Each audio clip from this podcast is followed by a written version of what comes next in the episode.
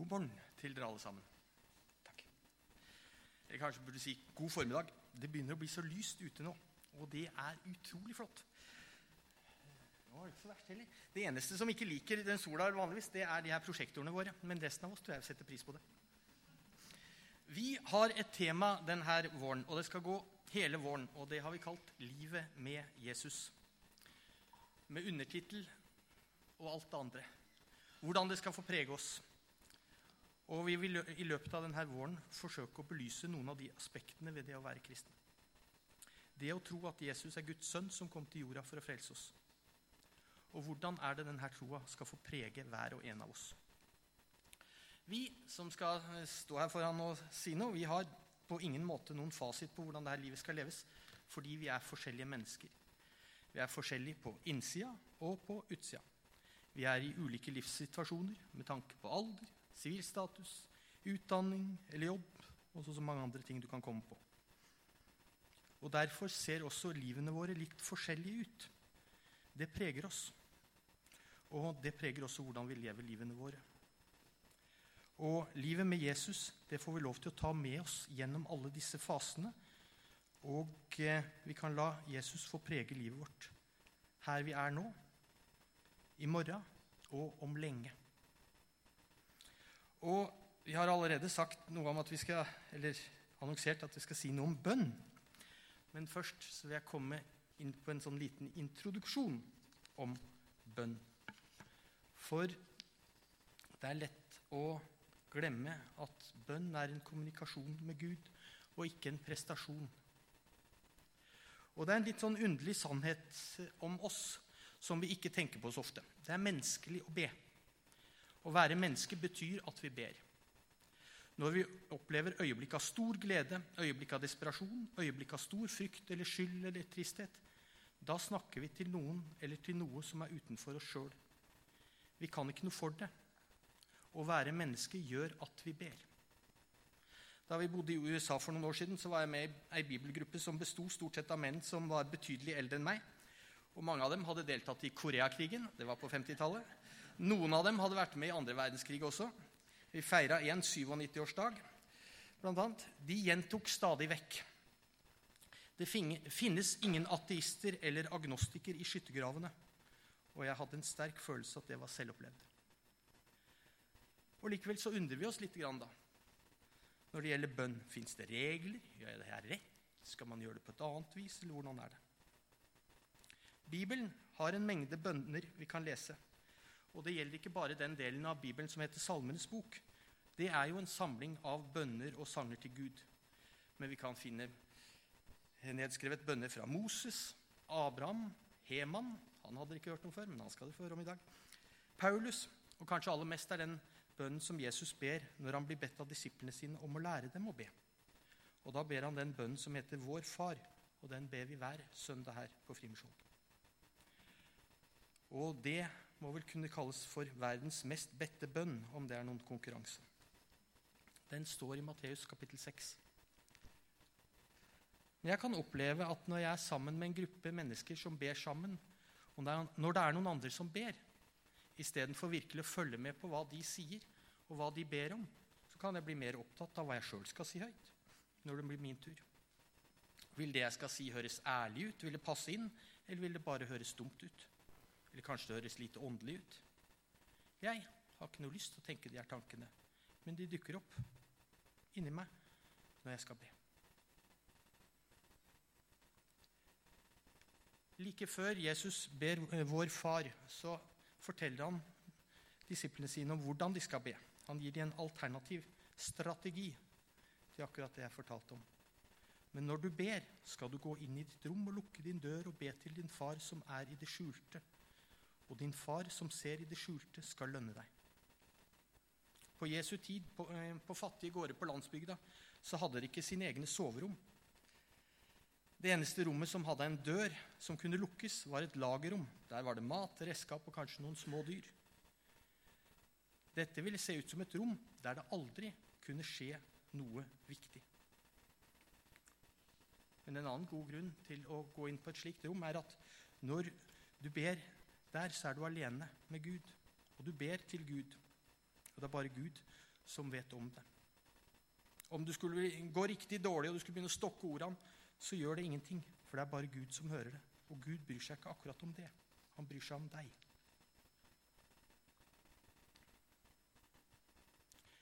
Utover det så peker Jesus på det som mange av oss ser på som det største ankepunktet når det gjelder bønn. Vi kan ikke se Gud. Gud ser det som gjøres i det skjulte. Bønnen baserer seg på det usettes virkelighet. Men i våre dager så kan vi få et inntrykk av at det kun er det fysiske som er virkelig, som er viktig. Det vi sanser eller berører. Men hva er det som er viktigst her i verden, da? Jesus besvarer det i bergprekenen. Han sier at det viktigste som finnes, det er Gud og Hans rike. Og det betyr at den viktigste delen av deg er usett. Grunnen til at du er her i dag, er at du hadde en intensjon om å komme hit. Eller kanskje noen andre hadde en intensjon om at du skulle komme hit. Men det begynte i hvert fall der. Det er aldri noen som har sett en intensjon. Moderne røntgenutstyr og mikroskop, ja, til og med elektronmikroskop. Der kan man se nerver og synapser, men man kan ikke se en intensjon. Det er aldri noen som har sett en intensjon, selv med avansert teknisk utstyr. Dine tanker, ønsker og valg er aldri sett av noen. Kroppen vår, øynene våre, beina våre, armene, ja, faktisk alt sammen, det responderer på de her intensjonene. Det man ikke kan se. Sagt med andre ord og med ord, da. Det fysiske er ikke likegyldig til et ønske, til drømmer, til hensikt eller intensjoner. Faktisk så er alt det fysiske, datamaskiner, mobiltelefoner, smultringer Alt det begynte som ideer, intensjoner, ideer man ikke kunne se. Og Jesus sier at det som er sant med mennesker, er også sant om universet generelt. Virkeligheten som man ser, den understøttes av virkeligheten man ikke kan se. Det er virkelig, og det er der vi er stille og vi møter Gud. Gud som vi ikke kan se. Bønn kan være vanskelig for oss, i hvert fall for meg. For jeg tenker at hvis vi ikke beveger oss i en retning der vi har synlige resultater, så er det ingenting som skjer. Og Bønn kan derfor ofte føles for oss som det å sitte og vente på et rødt lys. Noen ganger, får du det, noen ganger så får du ikke det du ber om. Og du føles som du er på et rødt lys som aldri skifter farge. Det er en barriere og en hindring. Og Jesus vet det her om oss. Derfor sier han at vi skal ikke ramse opp en hel masse ord, slik hedningene gjør. For de tror at de blir hørt bare fordi de har så mange ord. Av og til så er det vi tror, er bønn. Altså Det vi tror er en bønn, kan være en ren overtro. Her skal jeg få hjelp av en, noe som jeg liker veldig godt. Det er knøttene. Dere, det, alle kjenner til knøttene. Charles Schultz, som, som, hadde, eh, som, eh, skrev den serien, han var kristen. Han er død nå. Han var kristen, og han skrev alle de sjøl. Og nå håper jeg har, jeg har to nøkler. Håper jeg har den som er. Det er da Linus, eller Espen, som han heter på norsk, som eh, i oversettelsen sier Der han ber og så sier han til søstera si jeg har gjort en interessant teologisk observasjon.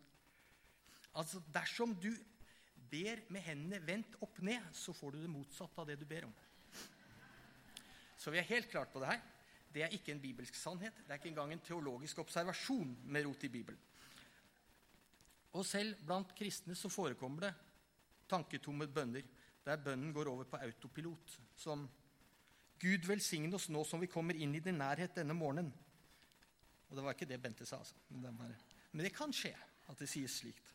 Og da kan jeg tenke at Gud, som i Bibelen forteller at han er allesteds nærværende gjennom alle tider, at da tenker han seg om, og så sier han Og hvor tror du så at du har vært?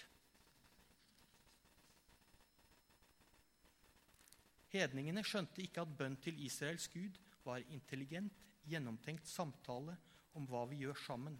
Det er hva bønn er i himmelen. Grunnen til at tankene dine er så viktige, er at det er bare gjennom tankene dine at du får kontakt med det som er virkelig. Det er sant enten det dreier seg om den fysiske virkeligheten, men det er også spesielt sant når det kommer til Gud.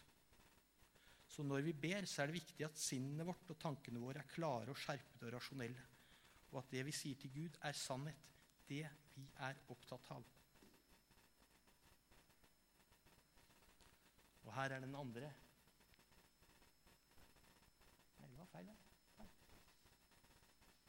Der er det da igjen søskenparet Sofie og Espen, som eh, da Sofie sier Wow, se på det regnet. Hva om dette kommer til å oversvømme hele verden? Og så svarer da han Espen det kommer aldri til å skje. Det niende kapittel av første Mosebok så har Gud lovet Noah at det skulle aldri skje igjen. Og tegnet på den løftet der, det var regnbuen. Huh, sier hun. Der tok du en stor bekymring fra, fra meg. Og så svarer han at skikkelig teologi, sunn teologi, har gjerne den effekten.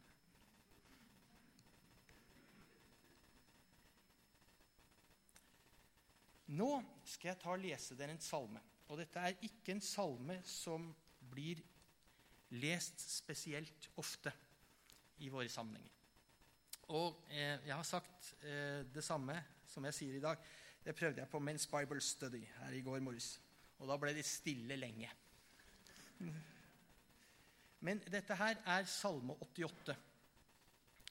Og da skal jeg lese den. Den går slik en sang, en salme av korasangerne til korlederen etter Mahalat Leanot, en læresalme av esrahitten Heman. Herre, du Gud som frelser meg, jeg roper til deg dag og natt. La min bønn nå fram til deg, vend øret til mitt rop.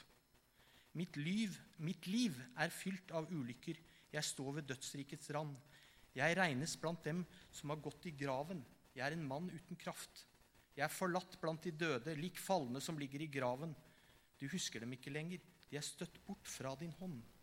Du har lagt meg i hulen her nede, i det mørke dypet. Din harme hviler tungt på meg, du lar mine brenninger Du lar dine brenninger slå over meg. Du har drevet vennene mine bort og fylt dem med avsky for meg. Jeg er stengt inne, jeg kommer ikke ut. Øyet svekkes i min nød. Herre, jeg roper til deg hver dag, jeg rekker hendene ut mot deg. Gjør du under for de døde, står døinger opp og priser deg. Fortell de om din miskunn i graven, om din trofasthet, i avgrunnen. Blir dine under kjent i mørket, din rettferdighet i glemselens land? Jeg roper til deg, Herre, hver morgen kommer min bønn frem for deg. Hvorfor støter du meg bort, Herre? Hvorfor skjuler du ansiktet for meg? Fra ungdommen av har jeg vært hjelpeløs, ja, døden nær. Du fyller meg med redsel, jeg er rådvill. Din harme slår over meg, dine redsler gjør ende på meg. De er omkring meg som vann hele dagen. Alle sammen omringer meg. Du har drevet venner og frender bort fra meg. Mine kjenninger er borte i mørket.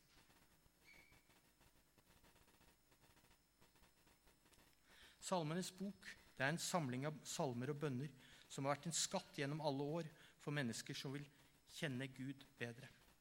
Her får vi presentert livet fortalt av andre mennesker. Og det er svært mange av salmene i Bibelen som roper til Gud og klager. De ber til Gud om hjelp i deres fortvilelse. Og nesten alle salmene vil mot slutten av salmen ha et håp og en forløsning, håp om hjelp som kommer. Enten ser den som ber, at Gud arbeider i verden, eller den som ber, merker at Gud begynner å arbeide i sitt eget hjerte. Og det gjør nesten alle salmene men ikke denne salmen. Og Det er faktisk to salmer i Salmenes bok, Salme 39 og 88, som ender uten å uttrykke håp i det hele tatt. Ordet 'mørke' det er brukt tre ganger i denne salmen. Vers 7, 13 og 19. Han er omgitt av mørke. Her er det ikke et eneste lysglimt. Og For å understreke at alt er svart, at det ikke er noe håp, så ender bønnen med ordet 'mørke', også i originalutgaven på hebraisk. Så hva er det en slik bønn gjør i Bibelen? Om vi vil høre hva den har å si oss, så vil den bringe oss noe godt. Den vil bringe oss viktig kunnskap om Gud og om livet vi lever. Vi som er kristne, er tidvis ganske naive i møte med det jeg vil kalle for den uunngåelige lidelsen. Uansett hvem vi er, så vil vi møte lidelse i dette livet vi lever. Og når vi møter lidelsen, så risikerer vi å bli helt overveldet om vi ikke er forberedt på at dette livet også byr på lidelse. Hvordan vi er forberedt, vil være med på å forme hvordan vi reagerer. Et litt sånn banalt eksempel, men likevel. Dersom du blir vist rundt på et ganske enkelt hotellrom, og på forhånd har det blitt forklart at dette er hotellets bryllupssuite. Dette er det flotteste du skal få se. Og Når du da ser dette hotellrommet, så vil du tenke at det her var jo ikke noe særlig. Dette var ikke noe særlig til saker. Ganske kjipt, faktisk. Men dersom du var blitt fortalt på forhånd at dette var cella til en forbryter som var dømt til en lang straff, så ville du kanskje tenkt at det her var kanskje ikke så ille. Kanskje greit nok. Hvordan vi på forhånd tenker om lidelse, vil være med på å forme hvordan vi møter lidelsen. Jeg var ungdom her på Frimosjonen midt under herlighetsteologiens storhetstid. Og om jeg skal være litt direkte, så vil jeg si at den i sin heslighet var et pervertert evangelium. Som i bunn og grunn var intenst materialistisk. Og jeg husker Det er noe som har Dette er Nå bruker jeg det som et eksempel, selvsagt. Så det er ikke alt som var galt. Men jeg husker en sånn argumentrekke som, som eh, svei seg i meg. Gud vil det beste for deg. Og alle vet at Mercedes lager en bi bedre bil enn det Lada gjør. Nå er det ingen av dere som husker hva Lada er, men det var en ganske dårlig russisk bil. Og Argumentet gikk da at alle vet at Mercedes lager en bedre bil enn det Lada gjør. Så selvsagt vil Gud at du skal ha en Mercedes. Og så var det det som ble hovedbudskapet. Gud vil det beste for deg ble forstått som at Gud vil at du skal ha det dyreste, de største forbrukssymbolene. Denne salmen her, den forbereder oss på noe helt annet. Mørket kan være to ting. Det kan være et mørke utenfor meg som handler om omstendigheter, og et mørke som er inni meg. Og det mørket kan vare en lang stund. Salmen her avsluttes faktisk uten noe håp. Avsluttes med at det er bare mørket som kjenner meg. Salmisten forteller at han har store problemer i livet sitt. Det er store problemer i omstendighetene han lever. Vi får ikke noe svar på hva det er som har ført han ut i dette mørket. I salmene så er det gjerne nettopp sånn. Vi får sjelden vite hva det er som er vanskelig. Og det kan jo være en fordel for oss, for det kan gjøres enklere for oss å gjøre salmen til vår egen. Men han forteller i hvert fall at alle hans kjære og alle vennene hans er borte. De er tatt fra ham, og det er nær forestående død som venter ham. Men I tillegg så opplever han da også et innvendig mørke, et åndelig mørke som omgir ham. I vers 2 så står det han stoler på Gud som sin frelser, men i sitt hjerte, i sitt indre, har han ingen følelse av Guds nærhet. Han føler at Guds vrede er over ham, at Gud er sint på ham, at Gud ødelegger ham. Han er forlatt av Gud, han er forkastet av Gud. Gud har trampa på ham. Det er ingen følelse av Guds kjærlighet, omsorg eller nærhet.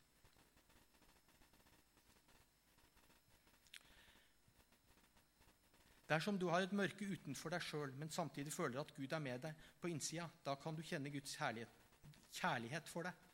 Da kan du utstå mørket utenfor. Men når det er mørkt, mørkt både utenfor deg og inni deg, så er det forferdelig. Dette her, det er en mann som ber og ber. Han ber om dagen, og om natta så roper han til Gud. Og likevel kjenner han på at han er omgitt av mørke. Denne salmen viser at du kan være en god person som ber og ber og gjør alt du kan for å søke Gud, og likevel er du omgitt av mørke og har ingen følelse av Guds nærvær i ditt liv. Du kan jo lure på om det her helt stemmer. Er det slik at Gud alt, er det ikke sånn at Gud alltid virker alt til det gode? At Gud har en hensikt bak alt det som skjer? Jo, Bibelen sier også det. Men Bibelen sier at du kan leve hele livet ditt uten å være klar over hva det gode er. Noe forferdelig kan skje, og du trenger ikke nødvendigvis i hele ditt liv få skjønne hva eller hvorfor det skjedde. Det er også noe av det som gjør mørket mørkt. Det er noe av det som mørket gjør med oss. En av um, de kvinnene som har vokst opp på Frimisjonen og bodd Eller ikke bodd her, Jeg har vært på Frimisjonen hele livet. Vi var så heldige å treffe henne.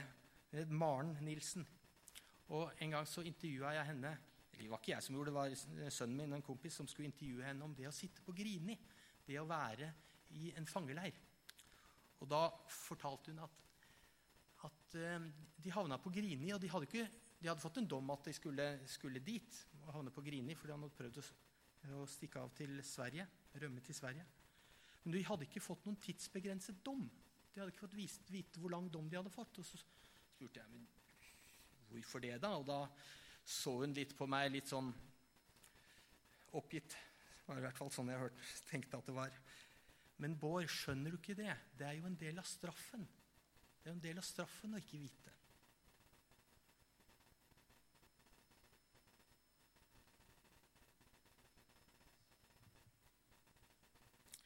Martin Marty er en teolog som har sagt om Salme 88 at den som prøver å trekke ut en filosofi av Bibelen, at alt vil rette seg til slutt, og at det vil bli en happy ending.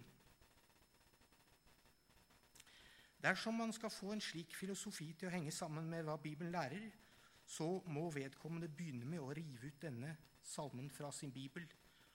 Og jeg tror faktisk det er ganske annet som også må fjernes fra Bibelen om en slik filosofi skulle stå seg. De har faktisk prøvd akkurat det. Um, ikke for å lage en happy ending, men uh, det er noe som heter slavebibelen. Og slavebibelen det var en del sånne slaveeiere, eller plantasjeeiere i sørstatene, som så at det var ganske gunstig at slavene trodde på Gud, men de måtte for all del ikke få vite at det var en frihet som ville vente dem. Så da trykte de opp slavebibelen. Var bare, poenget var at de fjernet alt som det sto om, som hadde om frihet, om håp om at det skulle bli en endring. Så slavebibelen er faktisk en ganske tynn bok.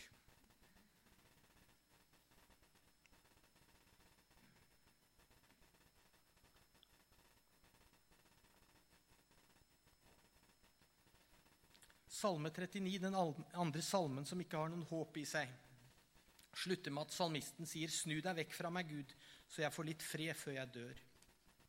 Salme 88 sier, 'Mørket er min beste venn'. Det er det samme som å si at stummende mørke gir bedre omsorg enn det, gjør, enn det du gjør, Gud. Disse bønnene som vi kan lese, de snakker til Gud på et vis som er ganske heftig. Det er beskyldninger og overdrivelser. Salmisten er sint, og de roper mot Gud. De er fortvilt, og de er bitre. Og hva betyr det? Dere Kidner, som har skrevet en bibelkommentar på Salmenes bok, vil referere. Det faktum at disse to bønnene befinner seg i Bibelen, er et vitne på at Gud forstår. Gud vet hvordan mennesker snakker når de er desperate. Når vi er desperate. Gud har ikke sensurert disse bønnene, de er midt i Salmenes bok. Ved å beholde de i Bibelen så vet vi at Gud kan identifisere seg med innholdet i dem. Gud er fortsatt vår Gud. Det er slik som det står i vers 2. Gud er den som frelser. Gud bekrefter at han er vår Gud, selv om vi ikke kan ikle oss et smil om morgenen, heller ikke fordi at vi gjør alle ting rett, eller for at jeg snakker til Gud med ærbødighet og respekt. Gud sier, 'Jeg er Gud. Jeg er nådens Gud.' På tross av alt det gale du gjør, jeg er din Gud. Dette er noe alle sammen trenger. Vi har et inderlig behov for å høre, og vi har et inderlig behov for å integrere i vårt eget liv. Mørket på utsida og innsida kan vare en lang tid. Og de tidene kan også være tider som lærer oss om Guds nåde. Jeg har ikke noe ønske om å romantisere det å føle at man er i et mørke. Absolutt ikke. Men det kan også inngi en endring i hvordan vi ser på Gud og livet vårt. Men det er noe som skjer med salmisten i Salme 88, uansett hvor ille denne salmen ser ut. Han klager, han er fortvilet, han overdriver, han skriker, men han gjør det til Gud. Alt han gjør i denne salmen, er en bønn til Gud. Selv når han sier at mørket er hans beste venn, så er det til Gud han sier det. Han blir hos Gud selv om han ikke opplever Guds omsorg. Jeg tror at vi også vil oppleve tilsvarende mørke i vårt liv en gang. Og i det mørket holder du fast ved Gud, Selv om bønnen kan være like anklagende mot Gud som denne bønnen vi leser nå, og du sier, 'Gud, jeg liker deg ikke, jeg forstår deg ikke, jeg er sint på deg, men jeg blir hos deg.' 'Jeg skal bli, og jeg skal tjene som best jeg kan, fordi du er Gud.' 'Fordi du er Gud, og jeg er ikke Gud.' 'Du er den du er, og jeg er den jeg er. Jeg blir hos deg.' Og når mørket letner, og det vil det nok på et tidspunkt gjøre, så vil det ha forandret også deg til en som har større tillit til Gud enn før. Men når du er i mørket, og vi har snakka mye om mørket nå, så føler man at mørket er absolutt, og at det ingen ende har. Salmisten følte at Guds avvisning var total, at Guds vrede var over ham. Gud hadde forlatt ham. Gud var ikke til stede i det hele tatt. Det var det han følte. Men han tok feil. Og hvordan vet vi at han tok feil? I det første verset her så står det at denne salmen var skrevet av Heman. Og de som er gode på Bibelen, de kan da fortelle oss at Heman han finner vi også i første krønikebok, kapittel 6, vers 33. Heman var lederen av Korahat-klanen, som var sangere og musikere som tjente i tempelet. Og De skrev salmer, og det finnes flere salmer i Salmens bok skrevet av Korahat-klanen. Salme 42-49 og noen flere omkring Salme 88. Og Det er noe av de fineste salmene i Salmenes bok. Dersom Heman skrev en av salmene, så har han skrevet noe av det beste som er bevart til oss gjennom 2500 år. På grunn av hans mørke så gjorde det en mørke noe med han, som har hjulpet uendelig mange mennesker gjennom historien. Ut ifra hans synsvinkel så var mørket totalt. Det var ingen ende på det. At Gud hadde forlatt han, hadde heller ingen mening med livet hans. Men hans mørke har gitt oss en skatt og vist oss Gud på en måte vi ellers ikke hadde kjent til. Heman hadde neppe trodd, der han satt og skrev denne salmen, at han, vi skulle drive og snakke om det her 2500 år seinere. Så tok Heman feil. Gud hadde ikke forlatt han, men han følte at Gud hadde forlatt han. Mørket han følte, var ikke totalt og permanent. Mørket han opplevde, var ikke objektivt, det var subjektivt. Det var tilsynelatende, det var ikke sant. Og det kan vi også vite når mørket kommer. Hvordan kan vi vite det? Når jeg føler at Gud har forlatt meg helt og holdent, hvordan kan jeg vite at det bare er tilsynelatende at han ikke har forlatt meg? Salme 39, som jeg nevnte tidligere, der sto det i vers 14.: Ta ditt blikk fra meg. Og de siste versene av Salme 88, det er bare mørket som kjenner meg. Minner dette her dere om noe? Matteus kapittel 27, vers 45 og 46. Der ved Jesu korsfestelse, der står det Fra den sjette time falt et mørke over hele landet helt til den niende time. Og ved den niende time ropte Jesus med høy røst, Eli, Eli, lema sabachthani. Det betyr, min Gud, min Gud, hvorfor har du forlatt meg? Jesus fikk det ytterste mørket som Heman trodde han hadde fått, men ikke hadde fått. Jesus fikk den virkelige vreden. Han var virkelig forlatt av Gud. Hvorfor? Hvorfor fikk Jesus det ytterste mørket? Hvorfor hadde Gud forlatt ham? Hvorfor var det sant at mørket var Jesus' eneste venn der på korset? Gud ønsker å tilgi oss for alt det Satan anklager oss for. Alt det Satan sa, var sant. Vi er selvsentrert. Vi er egoistiske. Vi utnytter hverandre. Det er derfor verden ser ut som den gjør. Vi utnytter Gud, og vi fortjener at Gud vender ansiktet sitt bort fra oss. Men Gud vil tilgi oss. Når du tilgir noen som har gjort noe galt med deg, så er det noen som må betale den prisen. Det er noen som må overta gjelden til den andre personen. Det er det tilgivelse er. Og for at Gud skal tilgi oss, så er det han som må betale den prisen. Gud kom til verden som Kristus, og han betalte prisen. Han tok på seg mørket og vreden. Vårt mørke er kun tilsynelatende. Jesus var i sannhet forlatt, slik at vi bare føler oss forlatt. Men du er ikke forlatt. Gud har ikke forlatt deg. Han har dødd for deg. Da Jesus hang på korset, forlatt av Gud, så kan det sies at mørket var hans beste venn. Men når vi er i vårt mørke, så er Jesus der sammen med oss. Han har ikke forlatt oss. Han er fortsatt vår venn. Gud tar ikke dobbelt betalt for en skyld. og Jesus har allerede betalt skylden vår. Da betyr det også at det er svar på salmisten sitt spørsmål, det sarkastiske spørsmålet han stiller i midten av salmen. Gjør du under for de døde? Står døinger opp og priser deg? Fordi Jesus døde for våre synder og sto opp igjen, så er svaret på det spørsmålet ja. Og det skal vi også gjøre en dag. Fordi Jesus tok vår straff, så skal vi også stå opp og være med og prise Gud. Og det er en god motgift mot det mørke som omgir deg, når du vet at det kommer en oppstandelse. Det er mange som har skrevet bibelkommentarer på salmen, og her kommer enda en. Dette mørket kan ramme en som tror, sier denne salmen. Det betyr ikke at du er fortapt. Dette mørket kan ramme en som ikke fortjener det. Det skjedde jo med Jesus. Det betyr ikke at du er bortkommen. Dette mørket kan ramme når, når som helst, så lenge denne verden er. For bare i den neste vil slik urett bli endret på.